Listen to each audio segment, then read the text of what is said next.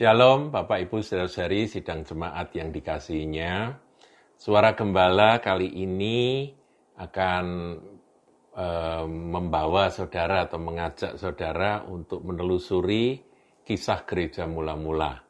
Ya, secara lebih lebih spesifik kita akan membaca di dalam kisah para rasul pasal yang ke-8 ayatnya mulai 1b ya judul perikopnya penganiayaan terhadap jemaat di Yerusalem. Pada waktu itu mulailah penganiayaan yang hebat terhadap jemaat di Yerusalem. Jadi bukan aniaya biasa tapi hebat. Mereka semua kecuali rasul-rasul tersebar ke seluruh daerah Yudea dan Samaria.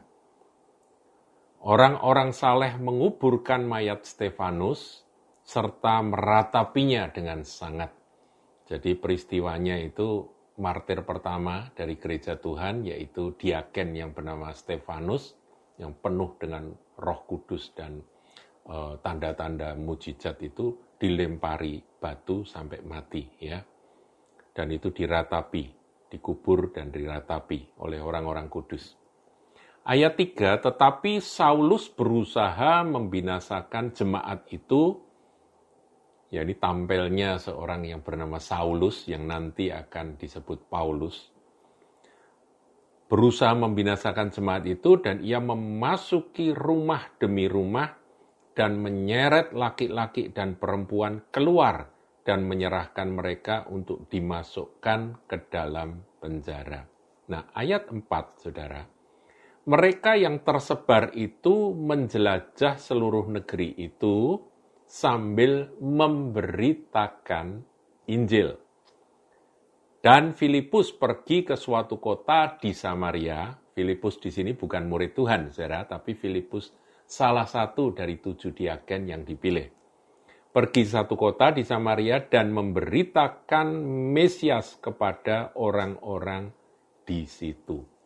Saudara, sesuatu yang menarik untuk kita renungkan.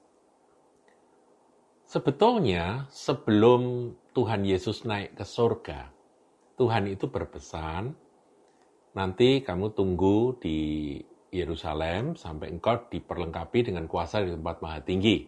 Dan engkau akan menjadi saksiku ketika roh kudus turun atas kamu. Dan engkau akan menjadi saksi di mana, saudaraku? Di, ya, Yudea, Samaria, Yerusalem dulu ya. Yerusalem, Yudea, Samaria, dan sampai ke ujung bumi. Nah Tuhan ini bicara ini kan mestinya kan kata-katanya itu kan begitu. Engkau akan uh, menjadi saksiku di Yerusalem, Kai, Yudea, Kai, ya Kai, uh, ini apa, Samaria, Kai, sampai ke ujung bumi.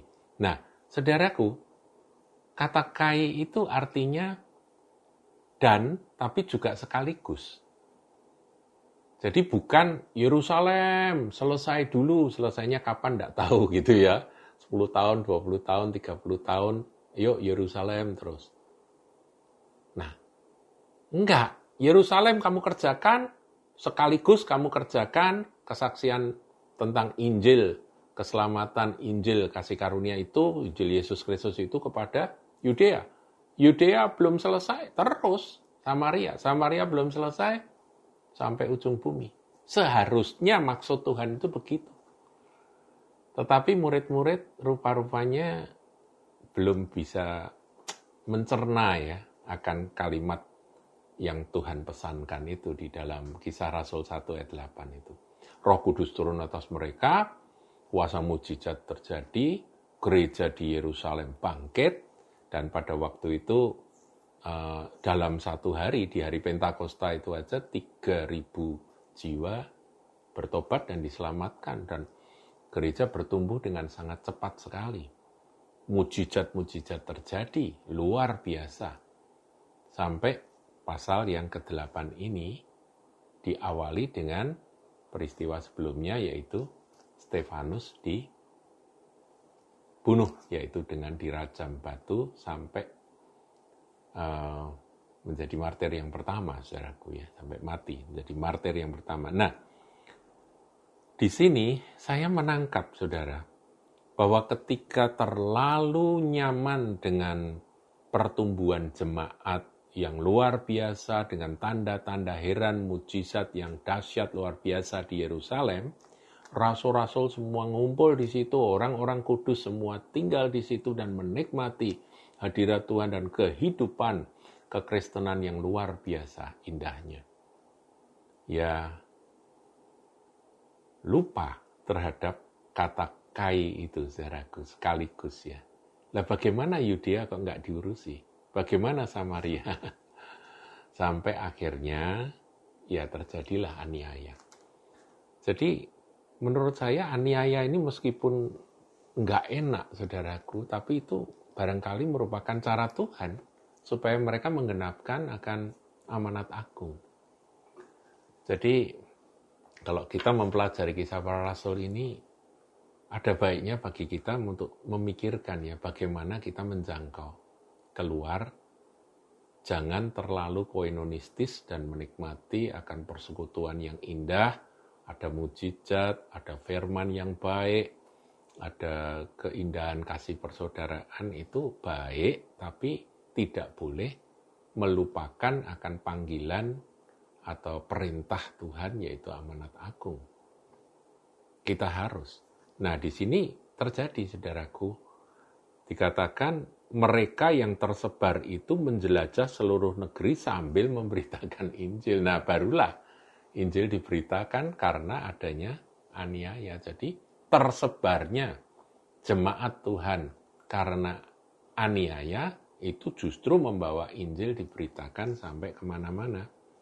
Dan yang spesifik yaitu Filipus, saudara. Filipus pergi ke satu kota di Samaria. Jadi Filipus bukan hanya lewat Yudea, tapi sampai nyebrang ke Samaria.